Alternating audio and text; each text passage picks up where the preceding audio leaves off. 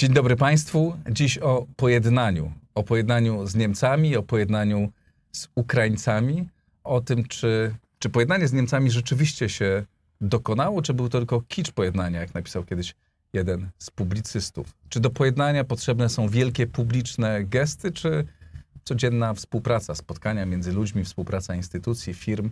O tym dzisiaj w Układzie Otwartym. Bardzo serdecznie dziękuję wszystkim patronom, dzięki którym ten program mogę robić. Kto z Państwa chciałby dołączyć do tego grona, zapraszam na mój profil w serwisie patronite.pl i zapraszam na rozmowę. A oto mecenasi Układu Otwartego. Firma DevTalent, budująca zespoły programistyczne dla klientów z branży finansowej i cyberbezpieczeństwa. OnGeo.pl, geoportal dostarczający raport o terenie z diagnozą dowolnej działki dla właścicieli, sprzedających lub kupujących. MW Kancelaria Doradztwa Restrukturyzacyjnego, która zajmuje się pomocą dla firm w trudnej sytuacji finansowej.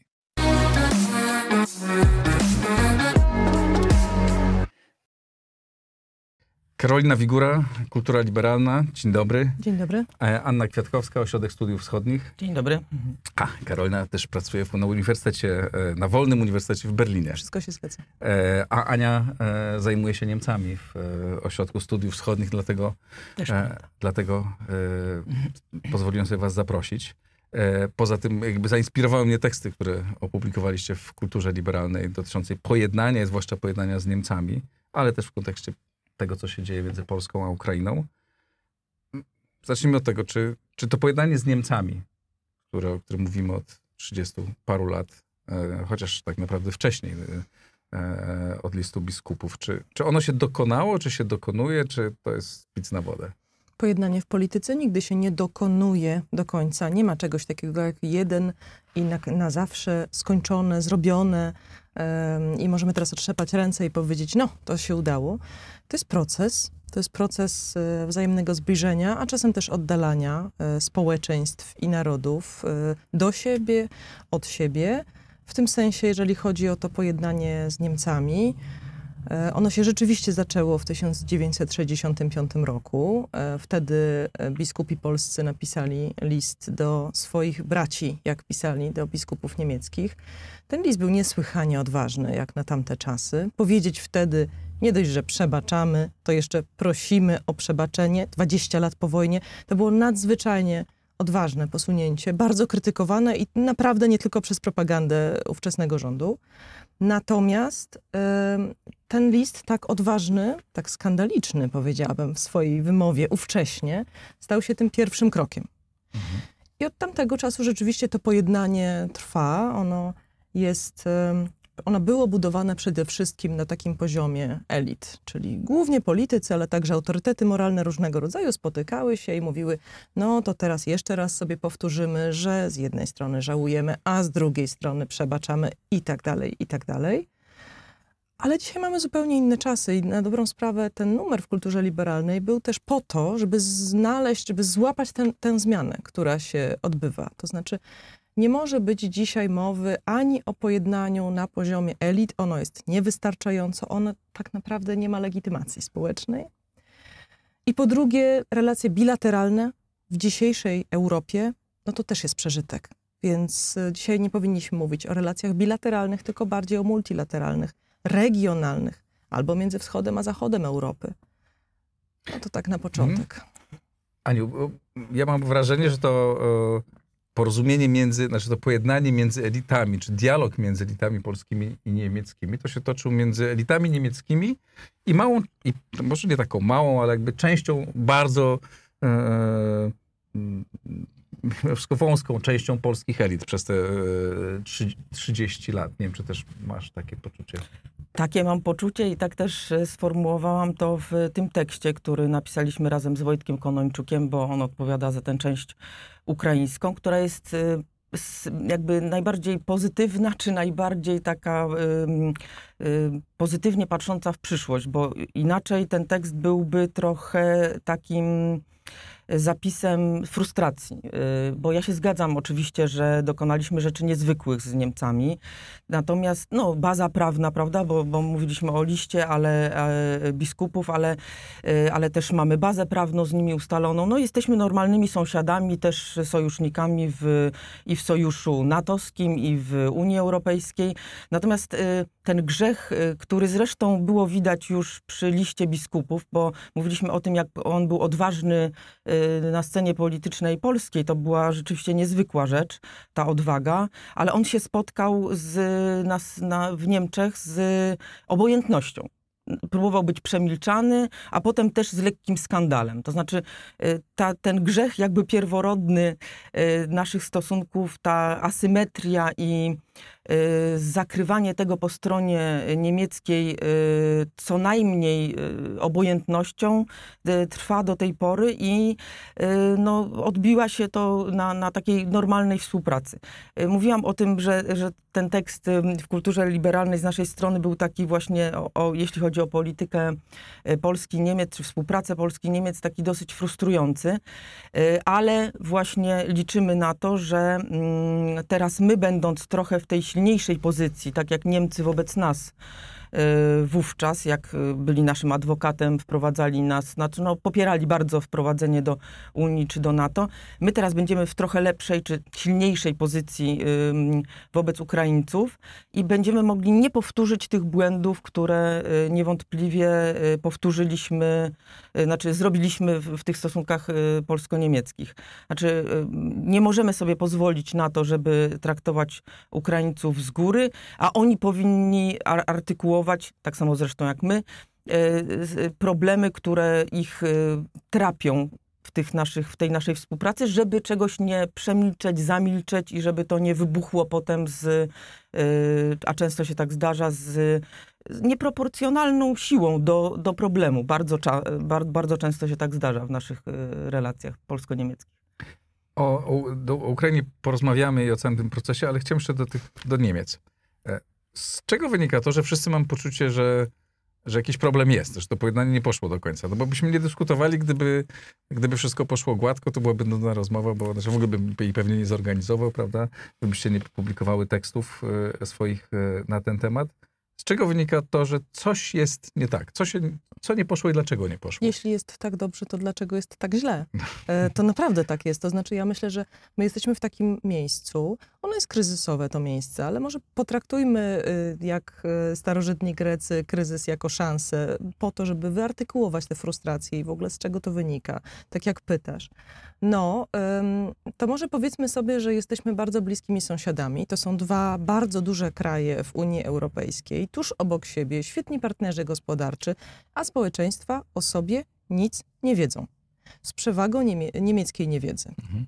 Tak? Czyli my nie wiemy też o nich, ale oni nie wiedzą bardziej. Okay? I teraz to jest ten sposób, gdybym mogła tak trochę pogeneralizować, to bym powiedziała tak. Polacy o Niemcach wiedzą głównie, że byli nazistami. I wydaje im się, że to wciąż tak jest. Niemcy o Polakach wiedzą, że Polacy są w Unii Europejskiej i że kiedyś byli bardzo biedni i że złodzieje przyjeżdżali z Polski do Niemiec i na, na dobrą sprawę. Nie wiemy o sobie wzajemnie, o tym, co się działo w naszej historii. Ten cały list biskupów, o którym mówiłyśmy, no to ten list biskupów obejmuje tysiąc lat. Ale my właściwie znamy jakieś takie wycinki tej Mhm. historii. No i to jest pierwszy problem.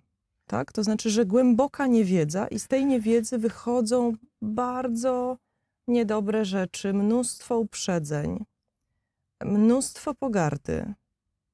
Ym, I to jest po, Ale potężny czy to, i zasadniczy problem. czy to nie jest tak, że ta, y, trochę powiedziałeś, to jest y, trochę nierównowaga, ale ja mam wrażenie, że ta niewiedza jednak jest o niebo większa po niemieckiej stronie niż po polskiej. To już nie pamiętam, w którym z waszych tekstów ja też to to było. Powiedziałam. tam jest, masę ekspertów, ekspertek od y, Niemców, są wydziały, organizacje, y, debaty i tak dalej. Tam nie ma w ogóle. Dla, też, ale też myślę, że dla, Jest dla nas to nie jest tylko naziści, bo ja, mam, ja, ja się wychowałem w Wielkopolsce Mhm. jeszcze w czasach jeszcze za komuny. I potem obserwowałem, przyjeżdżam do tej Wielkopolski i tam była właściwie zawsze taka fascynacja Niemcami. I Niemcy to nie byli naziści, owszem, no też naziści, ale to byli ci, którzy mają Mercedesy, fajne firmy, u których można zarobić, e, którzy jakby wprowadzają porządek. E, Ta zachodnia Polska przecież wzorowała się cały czas na Niemcach, dlatego była zawsze taka porządniejsza. Zawsze mówią, no, tak, wpływy niemieckie, tak, to, tam to nie było źle postrzegane. Więc to jakby ten, ten wątek historyczny jest gdzieś cały czas obecny w naszej debacie, zwłaszcza publicznej. A w takim codziennym życiu to, to jest przecież kraj, przez który się przejeżdża, do którego się, którym się robi interesy, przez który się przyjeżdża jadąc do innych państw europejskich. Może dlatego, że to była brama do zachodniej Mhm. Europy przez bardzo długi czas, zanim my staliśmy się tą bramą, prawda? E, Natomiast tak, jest nierównowaga, to, to nie ma żadnej wątpliwości. Jest też nierównowaga pod względem odpowiedzialności. Historyczną odpowiedzialność ponoszą Niemcy. I to z ich strony możemy oczekiwać więcej, to z całą pewnością. Jest jeszcze druga sprawa związana z, e, z tym, dlaczego Dlaczego taka frustracja? I to jest ta, ta, ta kwestia związana z tym, co się stało w ogóle z pojęciem elity, czy z pojęciem autorytetu moralnego w dobie mediów społecznościowych. Przeciętny Polak i przeciętna Polka, albo Niemiec, Niemka mogą powiedzieć, no i co z tego, że mi coś Mazowiecki, albo Kohl mówił, albo no właściwie to, co z tego właściwie wynika, prawda?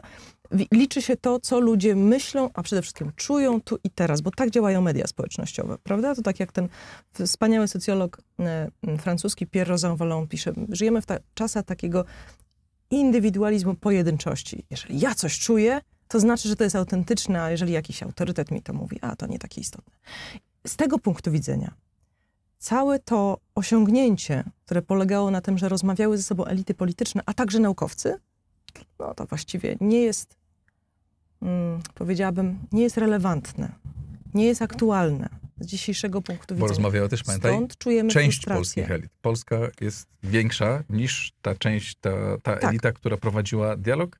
I tam ten dialog był łatwy, ale była druga Tak. część, Mm. która, dla której te problemy cały czas istniały. I, i część społeczeństwa, dla której te problemy Tak. Ja to istniały. widzę jednak trochę ostrzej. To znaczy, po pierwsze, y, ta dysproporcja, to jeśli chodzi o wiedzę, to nie jest dysproporcja ani asymetria, to jest przepaść. To znaczy, ignorancja Niemców na temat, y, w, w temacie, że zacytuję, y, Polski, Europy Wschodniej, a teraz widzimy jeszcze to w taki tragiczny sposób Ukrainy, jest przerażająca. To znaczy, tam elity nie mają pojęcia i biznesowe, intelektualne, patrz, y, prezydent Steinmeier, nie mają pojęcia y, o Polsce, ale to tak y, fundamentalnie nie mają pojęcia. Znaczy, my, u nas jednak ten, ta wiedza o Niemczech A jest większa, choćby dlatego, że uczymy się bardzo dużo w szkole, dużo więcej niż Niemcy o nas.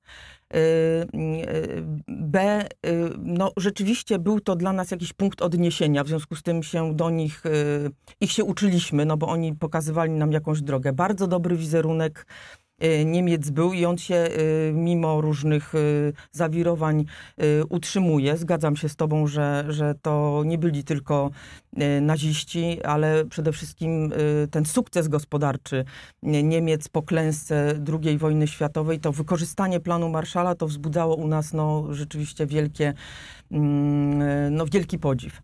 Y, Natomiast y, no, jest naprawdę y, trudno rozmawiać y, również dlatego, że mm, y, patrzmy, znaczy ja proponuję patrzeć nie tylko na narrację, ale też na czyny, tak? To znaczy nie dość, że y, ta wiedza jest y, żadna o Polsce, y, o Ukrainie również, jak już mówiłam, to jeszcze bardzo dużo narracji niemieckich i słów i, i, i tego, jak oni się do nas zwracają, co do nas mówią, w totalnej sprzeczności stoi z tym, co, co robią, co robią politycy. Bo zgadzam się, że biznes działa świetnie. Jak się rozmawia z biznesmenami po jednej i po drugiej stronie, to oni się naprawdę świetnie dogadują, nie mają żadnych frustracji, żadnych kompleksów wobec siebie.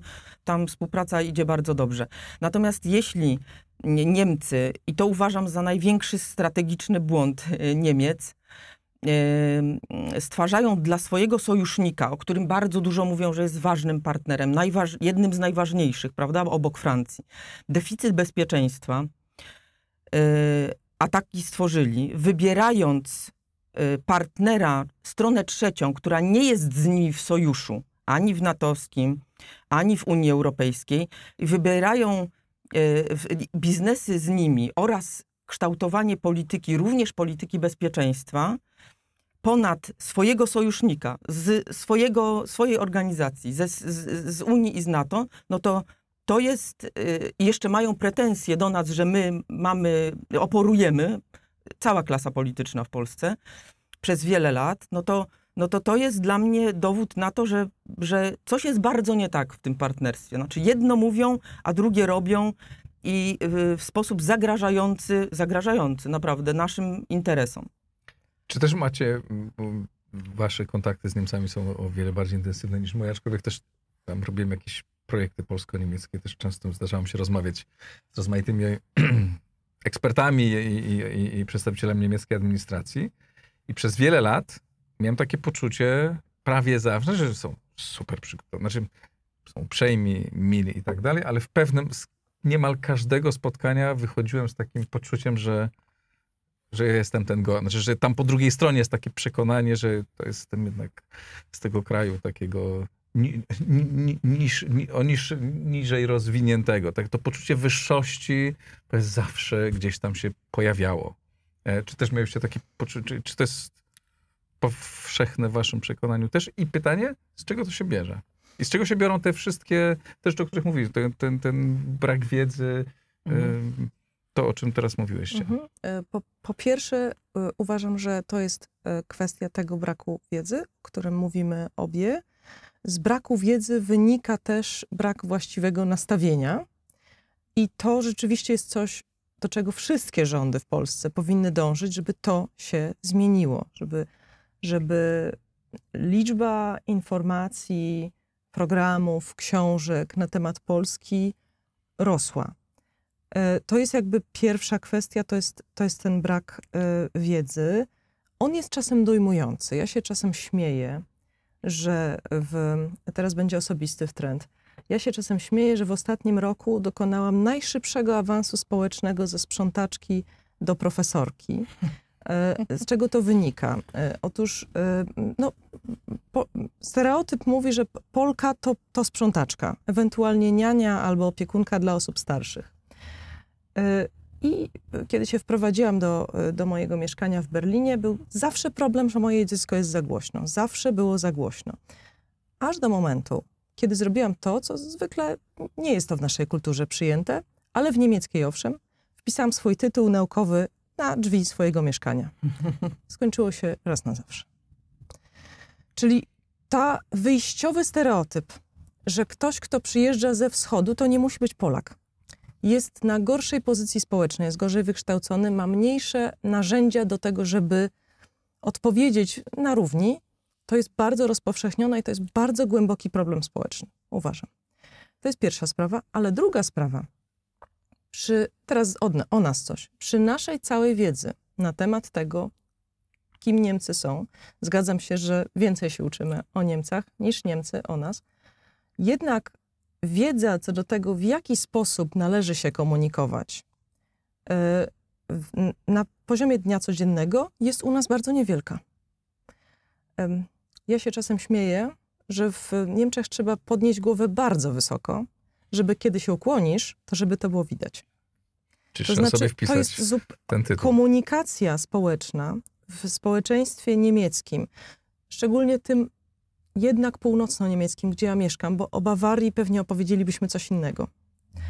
Ale w tym, tym północno-niemieckim społeczeństwie komunikacja społeczna jest zupełnie inna niż w Polsce. Te wszystkie kody, które my mamy, trzeba się szeroko uśmiechnąć, trzeba zażartować, trzeba powiedzieć wręcz kochana, złociutka i tak dalej. Absolutnie to nie działa. I wydaje mi się, że częścią naszej nowej socjalizacji mogłoby być z kolei nauczenie się tego, tej komunikacji, tak żeby od razu występować z pozycji równego partnera. Dlaczego to mówię? Dlatego, że ja nie chcę oczekiwać wyłącznie od naszego partnera niemieckiego, bo to wtedy jest, często wpadamy w taki resentyment, a niech oni i tak dalej. To zależy też od nas i od tego, w jaki sposób my występujemy i się przejawiamy. Jako rozmówcy, jako e, kupcy, kupujemy, prawda, tutaj pomidory, kwiaty albo rozmawiamy z sąsiadami. Wydaje mi się, że to jest też bardzo istotne. Jak najbardziej. Niemcy mają ten problem y, wewnętrzny. Oni w, ten sam sposób y, muszą się nauczyć jedni drugich. Do tej pory, 30 lat po zjednoczeniu, Niemcy z NRD są traktowani z góry, a Niemcy z zachodu nie rozumieją w ogóle kodu kulturowego, którym się y, NRD-owcy, tak to nazwijmy, byli, porozumiewają. A i vice versa, tak? To znaczy oni mają y, mnóstwo problemów społecznych i politycznych. Patrzmy na to, co, jak rośnie AfD, czy, y, czy jakie, jaką siłę miała Die Linke, czyli dwie skrajne, mm, jedna prawicowa, druga lewicowa partie na wschodzie, a jak one y, żyją sobie na, na zachodzie Mhm. tego kraju. Także te społeczne y, problemy są obecne również y, w Niemczech i rzeczywiście to, to jest prawda. Powinniśmy się y, trochę nauczyć. Y, Oni też powinni się nauczyć, ponieważ to się, te, te, te problemy społeczne czy te różnice, to się odbija niesamowicie na y, polityce. Czy gdybyśmy my zrozumieli, jak lepiej komunikować, a oni rozumieli, y, czemu y, y, są takie ogromne frustracje w NRD, no bo to ta płaszczyzna y, jest y, ta sama, ten brak y, zrozumienia, to nie popełnialiby różnych błędów politycznych, zarówno wobec NRD, ale przede wszystkim wobec swoich najważniejszych, cytuję Niemców, sojuszników ym, po tej stronie Odry w, w Unii Europejskiej czy w NATO. Ja miałam taki taki pomysł e, parę miesięcy temu, że my tu powinniśmy wykorzystać ten, ten moment i koniecznie zadbać o to, żeby Polska i Niemcy e, zadzierzgnęły jakiś naprawdę sojusz taki e, strategiczny, to takie strategiczne partnerstwo.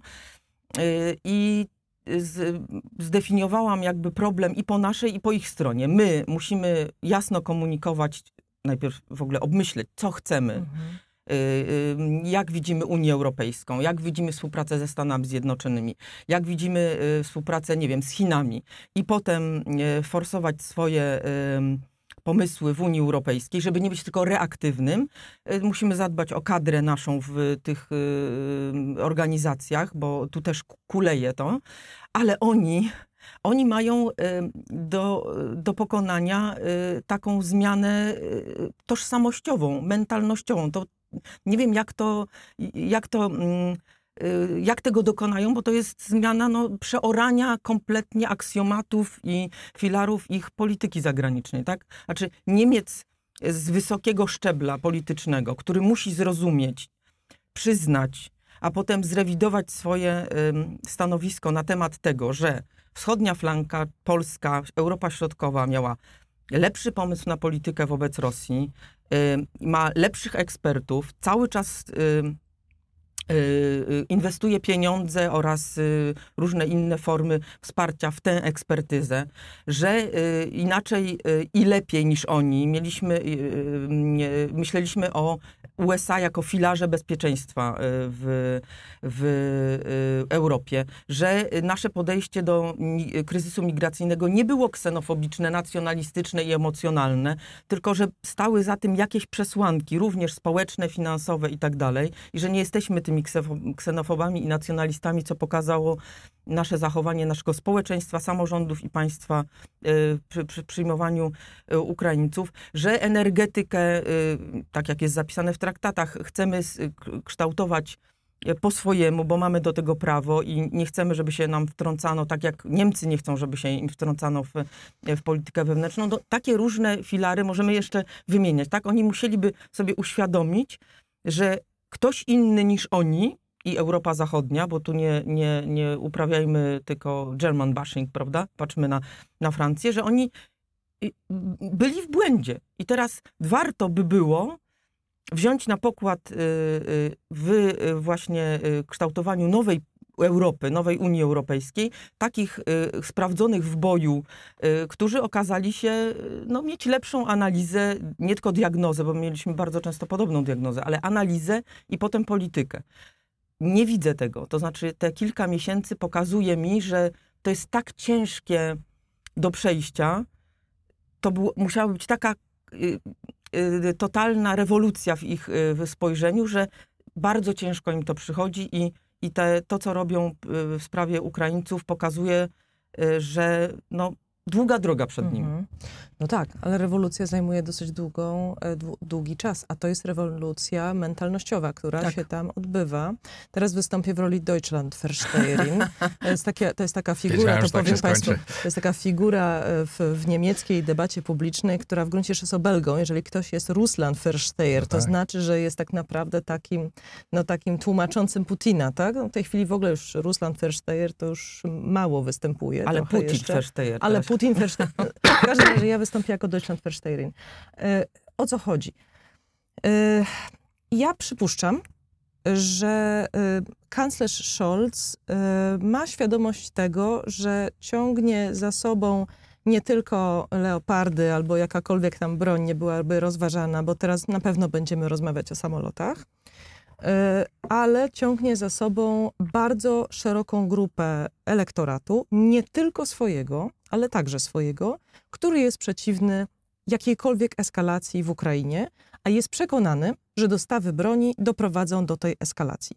Uwaga, to jest zupełnie inne podejście niż my mamy w Polsce i też niż cała Europa Środkowo-Wschodnia zaryzykuje, ma, no może z wyjątkiem Węgier. E, Swoją drogą jest bardzo interesujące odstępstwo od reguły, ale w każdym razie u nas panuje przekonanie, w naszym regionie panuje przekonanie, że ta wojna eskaluje sama z siebie. Innymi słowy, tylko ten, który siedzi na Kremlu, on eskaluje tę wojnę. W tym sensie my możemy tylko dokonać decyzji co do wystarczająco jasnej i ostrej odpowiedzi.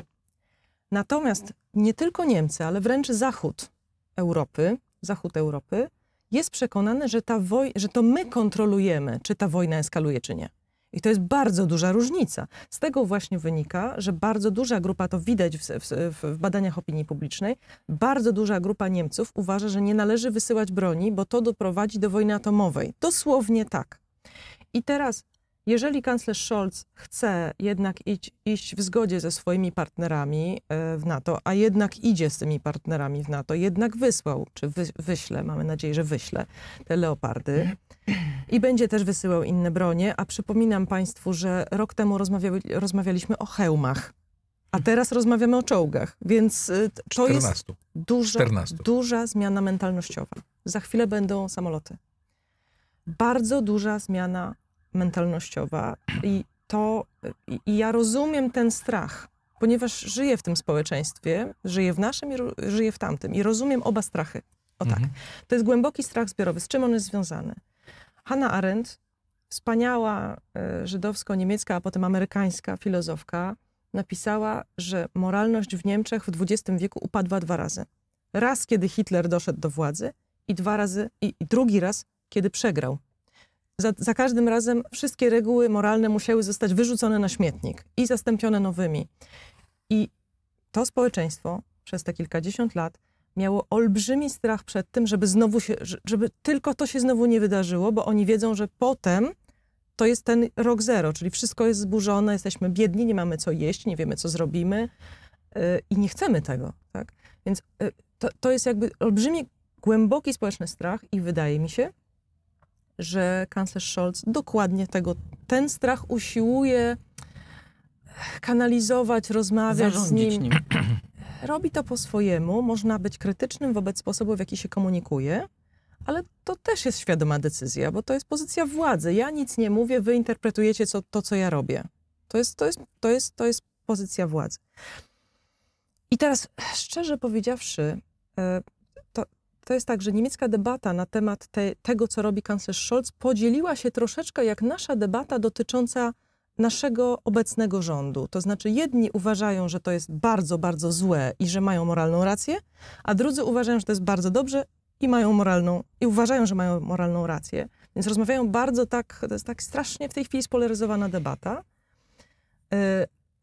A mnie się wydaje, że, że warto jest usłyszeć te społeczne strachy Zachodu, no bo jeżeli my mamy jako Europejczycy się dogadać, prawda? I Mhm. nie tylko z Niemcami budować nowe relacje, ale w ogóle być może nowe relacje w Europie pomiędzy Wschodem, który ewidentnie coś bardzo mocno słyszy w Rosji, tak? W tej chwili nasze doświadczenie jest niesłychanie relevantne, niesłychanie aktualne i bardzo może dobrze wpłynąć na to, co Zachód myśli o Wschodzie. E, ale żeby, żeby się dogadać, że to te, te strachy muszą ze sobą rozmawiać. Ja się Musimy zgadzam z tym. słuchać. Mhm. Ja się zgadzam z tym, że trzeba, znaczy empatia jest potrzebna, i znaczy, żeby przekonać kogoś, trzeba rozumieć tę drugą stronę. Tak. I to jest problem mm, potężny i Niemców, i Polaków w naszym dialogu. Znaczy, to myślę, że jest fundamentalny problem. Znaczy, że my Mhm. nie, rozu- nie czujemy się, tak? Tak. Tylko, że to nie wystarczy. Znaczy, mnie się pytanie jest takie, mnie się wydaje, że to jest, to jest prostsze. To jest trochę tak, jak mówię, że o tym kodzie e, niemieckim. Znaczy, po prostu my musimy, trzeba być silnym, żeby być, żeby być równoważnym. No, Znaczy, że przez te wszystkie lata, myśmy byli, faktycznie byliśmy dużo słabszym państwem, po prostu obiektywnie wszystkie te e, e, w słupkach, e, ta, ta, ta przepaść była bardzo dużo. Mentalnie myśmy byli dużo słabsi, bo prowadzi, to, że prowadziliśmy taką politykę, jaką prowadziliśmy przez ileś lat, to ona wynikała z tego, że myśmy czuli się, byliśmy zapatrzeni, za, zachwyceni i prosiliśmy, otwórzcie, wpuśćcie nas, tak, pomóżcie nam troszkę. Potem przyszła na to kontrreakcja, nie? Jakby, jak przed tam prawica do władzy, to, to poczuła, no bo też już czuliśmy, oni, to też odpowiedziała prawica na pewne, na pewne poczucie społeczne, tak? Czuliśmy się odpowiednio silni, bo już byliśmy bo, bo, bogatsi, zamożniejsi, tak? Jeszcze nie tak bardzo jak Niemcy, ale chcieliśmy na to, poka- no to w drugą stronę teraz pokażemy, nie będziemy tam z wami, nie? Jakby oba, To obie też jest postawy... oznaka słabości. Tak. Oczywiście, że tak. Obie tak, ale teraz myślę, że o, Niemcy nie czuli nawet, jak często zdarzało mi się rozmawiać z Niemcami a propos naszej współpracy gospodarczej, to oni sobie nie zdawali sprawy z tych, z tych słupków, że my jesteśmy tak naprawdę w Europie ich drugim, trzecim partnerem e, e, gospodarczym, jeśli chodzi o wymianę. Bo mamy podobną, oni mają podobną wymianę z Polską jak z Niemcami, jak Jasne. ze Stanami i z Chinami. Nie? A, Ale a, być a, silnym to znaczy też mieć bardzo klarowno, klarowne to, co chcesz powiedzieć. ale, Ja wrócę jeszcze do tego kryzysu Ale tylko, przepraszam, po, pozwól jeszcze, os, osta, ostatnie, e, ostatnie ten. I mi się wydaje, że teraz dochodzimy do momentu, kiedy myśmy nie tylko możemy, jakby mamy te słupki, już te drogi no, i te autostrady, i te samochody, i, i te domy już są trochę lepsze, ale też zaczęliśmy w, w ważnym historycznym momencie odgrywać ważną rolę. Nie? I to jest ten moment, kiedy, kiedy my dorastamy do tego, żeby być, żeby my poczuć się odpowiednio silni, ale też żeby oni zauważyli to, że my jesteśmy e, silni. O ile dorastamy, bo tak jak mówię, budowa tych opowieści i, i tego, co my chcemy tak naprawdę prze, przekazać, jest fundamentalnie istotna. I, i, I dlaczego chcę wrócić do kryzysu migracyjnego? Bo z jednej strony zgadzam się, że Polska miała powody, żeby być ostrożna. Podobnie jak Polska ma powody, żeby być ostrożna z granicą polsko-białoruską. Ale komunikacja tego była, przepraszam, położona na łopatki. To znaczy, a dlaczego w, w, w Europie nie uważa się, że Duńczycy są rasistami, pomimo tego, że ich polityka imigracyjna jest znacznie bardziej zaostrzona. Jest tak zaostrzona, że tamtejsi populiści mówią, że moglibyśmy tylko sobie pomarzyć, ale przeprowadzili to nie populiści. Okay? I teraz e, komunikacja kryzysu uchodźczego w 2015 roku została usłyszana jako Polacy są rasistami, nie znoszą muzułmanów, nienawidzą ich. Bo tak wyglądała nasza rozmowa w prasie. Nie tylko dlatego. Okej, d- możemy jeszcze do tego wrócić. Teraz tak, oczywiście, że zgadzam się z tobą, że Polska powinna mówić klarownym, jasnym głosem, w związku z tym, że w tym momencie właśnie odgrywamy bardzo istotną rolę geopolityczną. No, ale czy da się to zrobić y, taką bazującą na niskich y, emocjach kampanią antyniemiecką? No nie, Nie. sądzę. Nie, ale da się... Wtedy tak ale- jakby rozmijamy się. Z jednej Oczywiście. strony chcemy być silni, a z drugiej strony zach- zachowujemy się, jakbyśmy byli bardzo słabi. No tak, ale mówisz o jednej stacji telewizyjnej państwowej. E, e, No jeszcze nasza, natomiast nasza polityka wobec... Taka, ta realna polityka, którą prowadzimy w ostatnim czasie wobec Niemiec, moim zdaniem, jakby zaczyna być taka, jaka powinna być, tak? Znaczy, wykorzystujemy nasze... E, e, oczywiście, że wykorzystujemy nasze zasoby, które są takie, jakie są, e, do tego, żeby wywrzeć wpływ w taki sposób z tymi leopardami. To jest bardzo dobry To przykład. był tak? akurat doskonały Bo myśmy e, To jakby sprowokowali tą sytuację. Powiedzieliśmy, my chcemy wysłać nasze leopardy, tylko wy się zgódźcie. I postawiliśmy ich w bardzo trudnej sytuacji. I potem, owszem, to Amerykanie wy, wywali ten nacisk, ale jakby myśmy wykonali ten, ten kluczowy ruch. To jest percepcja strony polskiej. Y, Znaczy jest tyle wątków, Tak. może najpierw tak. Y, y, jeśli chodzi o rozumienie ich postawy, ja się z tym zgadzam. To znaczy, jako ekspert, analityk z punktu widzenia politologicznego, to jest bardzo ważne, żeby zrozumieć ich motywy, śledzić scenę polityczną. Wiadomo, że Scholz musi zarządzić właśnie tym strachem, że musi wziąć na pokład y, y, część SPD, która jest nadal zakochana w Ostpolitik, y, która moim zdaniem, no, a dla nas akurat niekoniecznie była y, y, czymś pozytywnym do końca, y, że y, musi też patrzeć na te skrajności i Dilinkę i AfD. No, ma mnóstwo taktycznych y, jakby powodów, dla których y, robi to, co robi i ja powinnam to zrozumieć. Pytanie brzmi tak, czy, czy moje rozumienie analityczne powinno mieć decydujący wpływ na moje działania polityczne? Ja uważam, że nie. I tu wracam y, nie do końca, może tak, żeby nie było za ostro. I tu wracam na przykład do leopardów. Y, Gdybyś posłuchał, gdybyście posłuchali z y, tego, co się dzieje w Berlinie, to tam jest przekaz taki za wszelką cenę po prostu, przynajmniej z tego mm, poziomu politycznego. Polska nie miała tutaj nic do gadania. Ale wcale tak nie jest. Ale no to ja No, mam... naprawdę tak nie ale nie, jest. to mm, t- dokończę, tak? Tylko, że kanclerz w swoim przemówieniu, w swoich y, różnych y, też y, debatach czy, czy, czy wywiadach, bo była teraz ofensywa taka medialna, powiedział mniej więcej coś takiego. Parafrazując oczywiście, my w sprawie leopardów i tych, tego typu ważnych spraw rozmawiamy z naszym sojusznikiem, ergo Stanami Zjednoczonymi cytuję teraz prawie, czy parafrazuję z tego przemówienia. Ci, co chcieli y, mieć udział, czy wtrącać się w debatę wewnętrzną niemiecką, y, nie mieli takiego wpływu i niech teraz pokażą, co, y, co mają do zaoferowania. W domyśle, teraz wy pokażcie, co wysyłacie, tak? Ym, Notabene y, dane podawane przez ym, y, Niemców a propos naszej pomocy są dosyć y, ograniczone, bym powiedziała tak. Y, Więc y, y, jest taki przekaz, jest to robione moim zdaniem z pełną premedytacją, żeby pokazać, że Stany że Niemcy grają w lidze ze Stanami Zjednoczonymi. Niemca, nie- Polacy są tymi, którzy rozbijają jedność i jeżeli naciskają zbyt mocno, to powodują rozłam w NATO i wśród sojuszników i że to jest bardzo złe. Jest używane słowo solidarność, jedność, oczywiście w tym pejoratywnym e, znaczeniu, w tym sensie, że my ją zaburzamy i, i, i źle tutaj działamy. W związku z tym mm, no, y, nadal nie widzę takiego wyjścia y, y, do nas i tego, o czym mówiłam, czyli zabrania, znaczy zabrania, zabrania nas na pokład, chciałam powiedzieć, ale zdajemy sobie sprawę chyba wszyscy, że władzy się po prostu nie oddaje, tak? Władzę sobie trzeba zabrać, więc zgadzam się z wami jak najbardziej, że im będziemy silniejsi, i to nie zaczęło się tylko tutaj, znaczy tu w tej wojnie. My już mieliśmy takie przebłyski, gdzie definiowaliśmy własne interesy i, y, i działaliśmy według nich, na przykład mm, y, partnerstwo wschodnie. Stwierdziliśmy, że nie będziemy tego robić z Niemcami, bo oni preferują współpracę z, na wschodzie z Rosją. W związku z tym wzięliśmy sobie na pokład Szwedów i z nimi to zrobiliśmy. I potem reakcja w, nie, w Berlinie była po prostu szok. Jak to? Bez nas? I prośba o dołączenie. Tak samo jak byliśmy zieloną wyspą, to był szok dla, dla, dla Niemców, że w ten sposób wyszliśmy z kryzysu y, finansowego, y, który nękał ich jeszcze w kryzysie euro. Tak samo, nie wiem, Trójmorze, projekty y, infrastrukturalne trój, Trójmorza zaznaczę.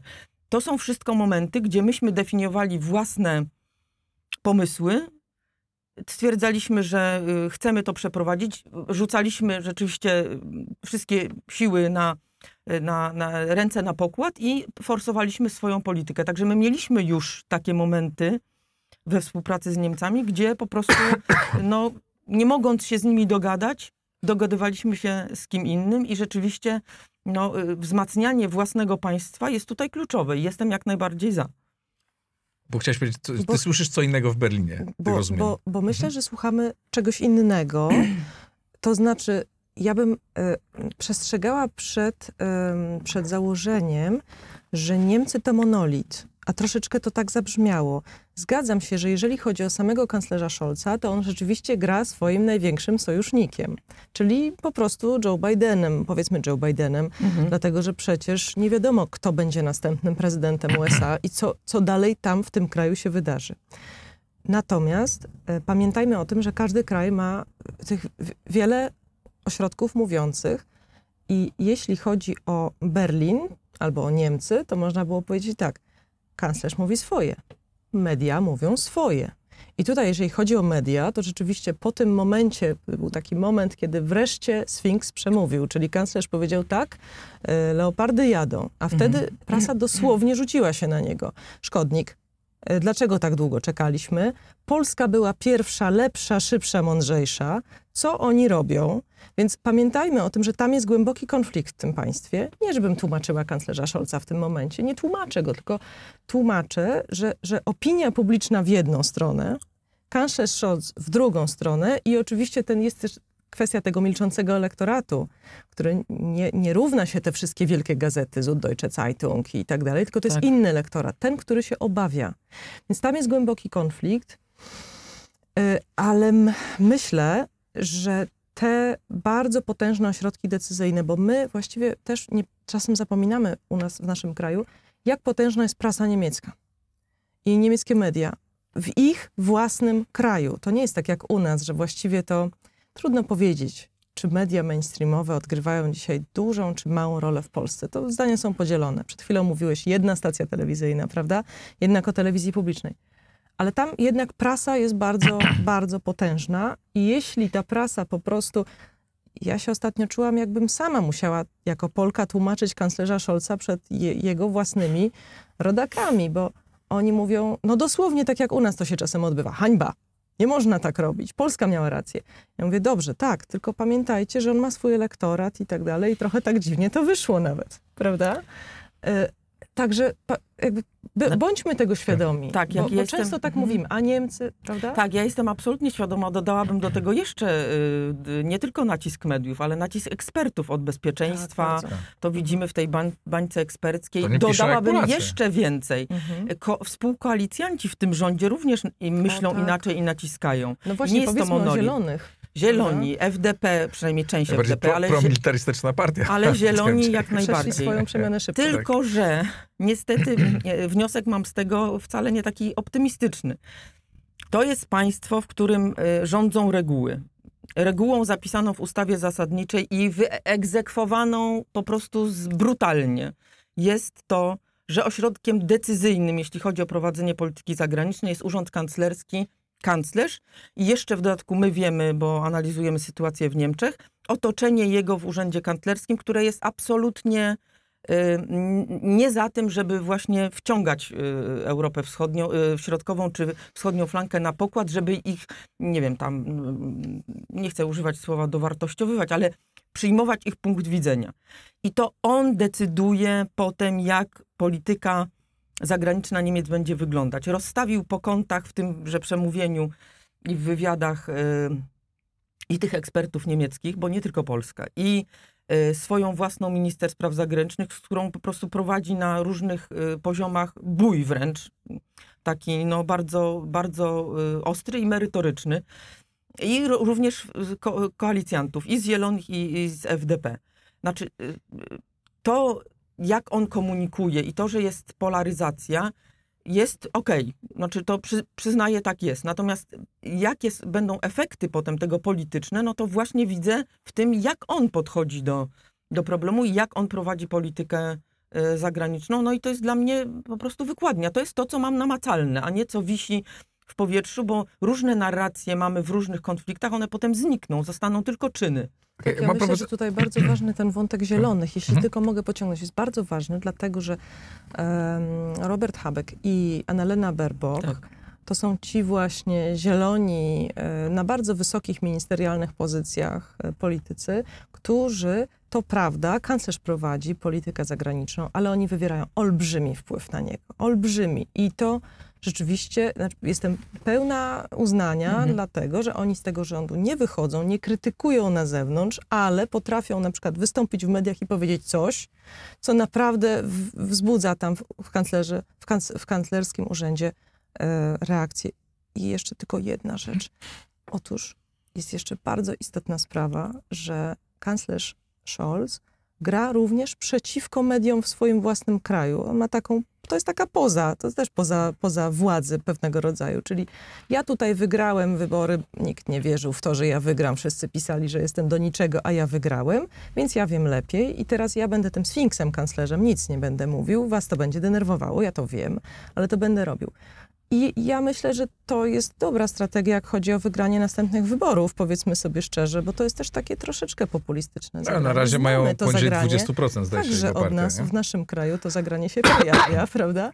Natomiast, y, natomiast y, wydaje mi się, że to jest bo ja bym zwracała uwagę na to, że tam ta mentalnościowa rewolucja wśród dziennikarzy, wśród ekspertów i wśród ważnych polityków, szczególnie zielonych, ona następuje. To widzimy. y, Chciałem wrócić do, bo weszliśmy już w taką bardzo bieżącą e, politykę. Zależało na to, żebyśmy rozmawiali o pewnych głębszych procesach, bo tematem naszego spotkania miało być pojednanie.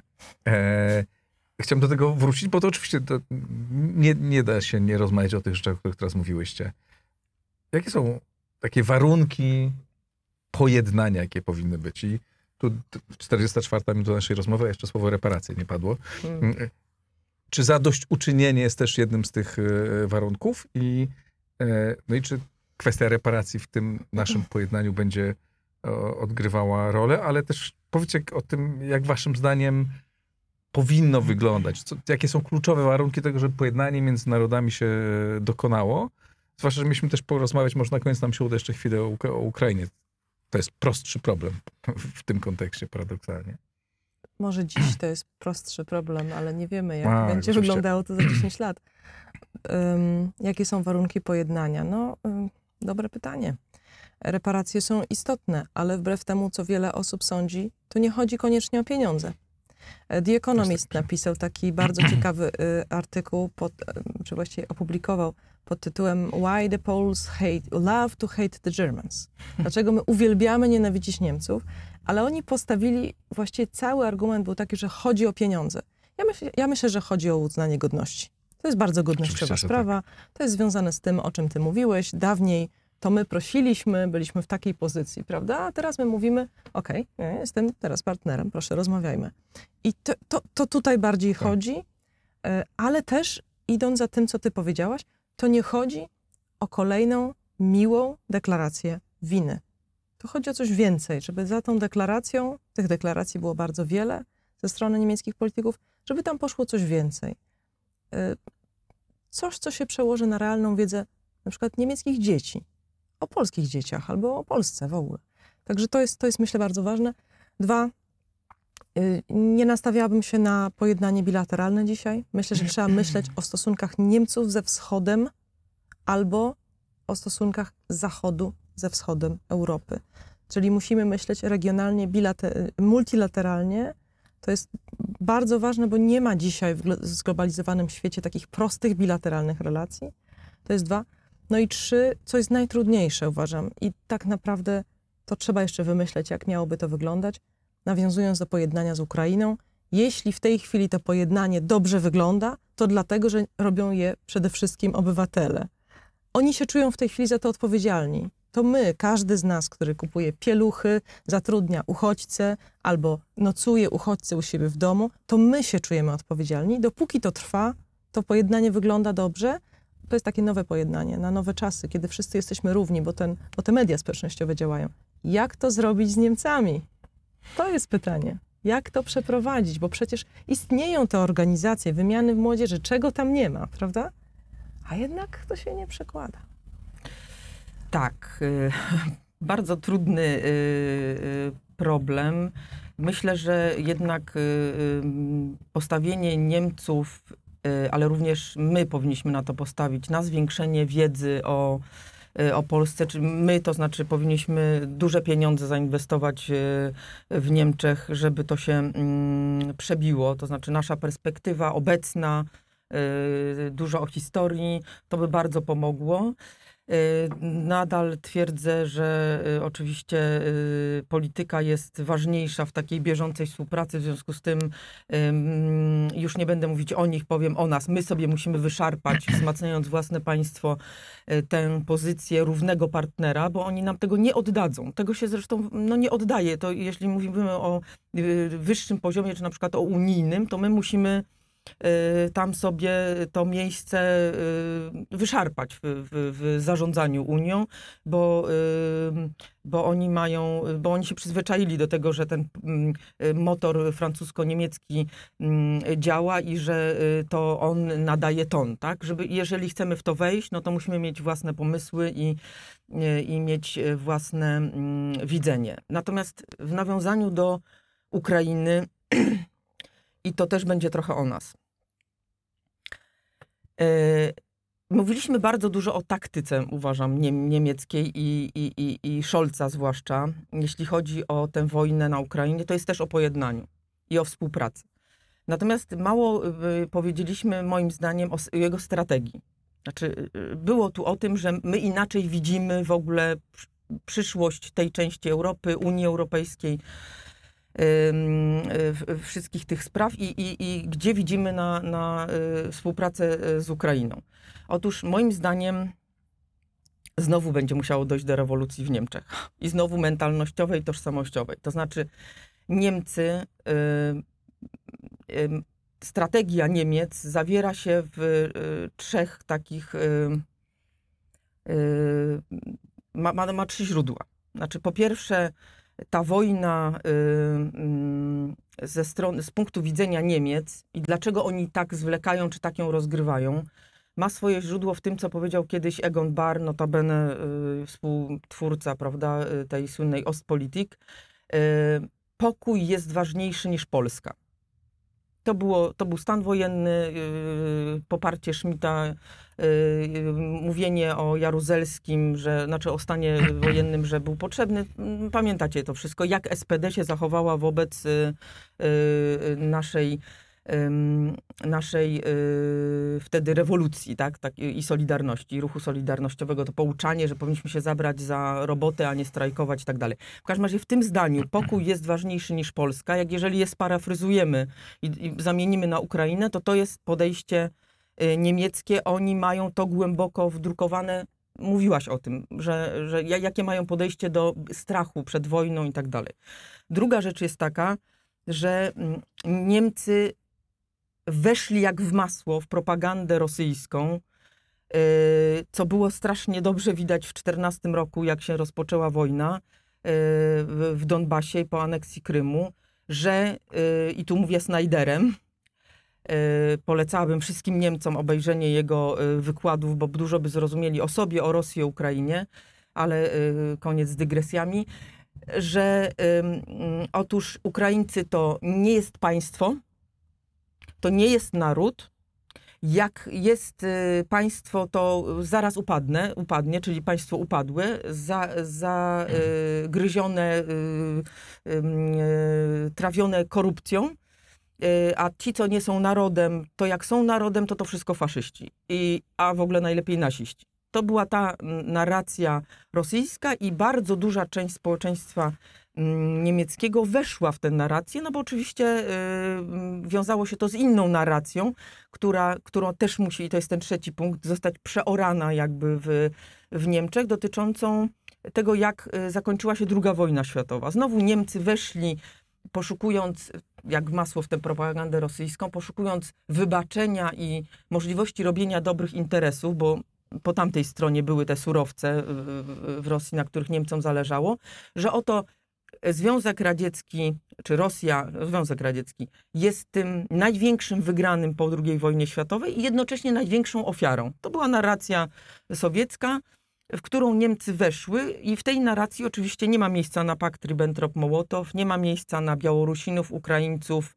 e, innych obywateli Związku Radzieckiego, którzy ponieśli znacznie większe straty e, niż sami Rosjanie, to w liczbach widać, ale też w, w akcjach, które się działy za sprawą niemiecką na terenach dzisiejszej Białorusi czy, czy Ukrainy, generalnie musieliby przeformułować swoje widzenie tego, jak działali w dru- oni, Niemcy, działali w II wojnie światowej na tamtych tere- terenach, co znaczy, że będą musieli się skonfrontować ze swoją e, przeszłością imperialną i kolonialną. I nie chodzi mi o kolonializm niemiecki w Namibii, tylko o ich kolonialne podejście do Ukrainy zwłaszcza w II wojnie światowej. Znaczy to y, rzutuje na ich obecne podejście do tego kraju i jeżeli tego nie prze... Znowu to lata zajmie. Jeśli nie przeorają tej swojej orientacji, to nigdy nie będą tej części Europy traktować y, poważnie po prostu. A przecież się zgadzamy co do tego, że tam odbywa się rewolucja. Taka nie, nie, nie spektakularnie szybka, ale i ona będzie trwała długo, zwłaszcza te maszyny niemieckie mielą długo, ale skutecznie. Nie? Jakby te, to są to są poważne, e, poważne maszyny, chociaż się ostatnio zacinają, ale gdzieś tam się posuwają. Na koniec chciałem was poprosić o taką refleksję. Co z tego doświadczenia naszego z pojednaniem udanym, nieudanym, skomplikowanym polsko-niemieckim, jakie lekcje wyciągamy z tego dla naszego pojednania e, polsko-ukraińskiego? Znaczy, o czym my musimy pamiętać i o czym Ukraińcy powinni pamiętać, żeby nam to poszło gład, no, gładko nie pójdzie, ale żeby, żeby poszło to dobrze. Ja mam takie poczucie, że jakby to są olbrzymie szanse na, bo jest bardzo wiele, bardzo wiele czynników e, działa, ale jestem ciekaw waszego zdania. Jeden komentarz do tego, co ty mówisz, bo ja nie, ja nie wierzę w to, że w pojednanie multilateralne. Znaczy nie, no to są tożsamości. Oni są Niemcami, my jesteśmy Polakami, tamci są Ukraińcami, są jeszcze Rosjanie i, i inni i to są nie, nie wschód-zachód. To są Niemcy, Polska, Ukraina, Polska. e, To jest druga wojna na, na tej ziemi, to jest e, rzeź wołyńska w Wołyniu. E, Moim zdaniem to są bardzo, bardzo silne narodowe tożsamości i, i takież emocje. No, ale można byłoby tak w ogóle powiedzieć o pojednaniu i przebaczeniu w polityce, że to jest niemożliwe, ponieważ to są pojęcia z etyki jednostkowej, a zaszczepiane są w społeczeństwach i pomiędzy narodami, a zatem to jest niemożliwe. Ja myślę, no a ja myślę że można. Ja też uważam, że myślę, można. że można myśleć i multilateralnie. To jest kolejny, mówiąc takim językiem bardzo nowoczesnym dzisiaj i modnym, kolejny stretch, czyli musimy wykonać pewien wysiłek, żeby wyobrazić sobie tego rodzaju pojednanie. Ale ono moim zdaniem nie jest, e, absolutnie nie jest wykluczone, szczególnie teraz, kiedy właśnie nasz region mówi praktycznie jednym głosem. Tak jeździmy do, do Talina, do Lwowa i do Wilna i słyszymy dokładnie to, co my mamy za uszami. Dokładnie to, to, to słyszymy. Ale na Myślę, że- jest bandera między Polakami a Ukraińcami. Tak, A nie między ale wschodem ja a zachodem. Byłabym, ale byłabym bardzo sceptyczna wobec takiego automatycznego przeszczepiania e, aktów pojednania.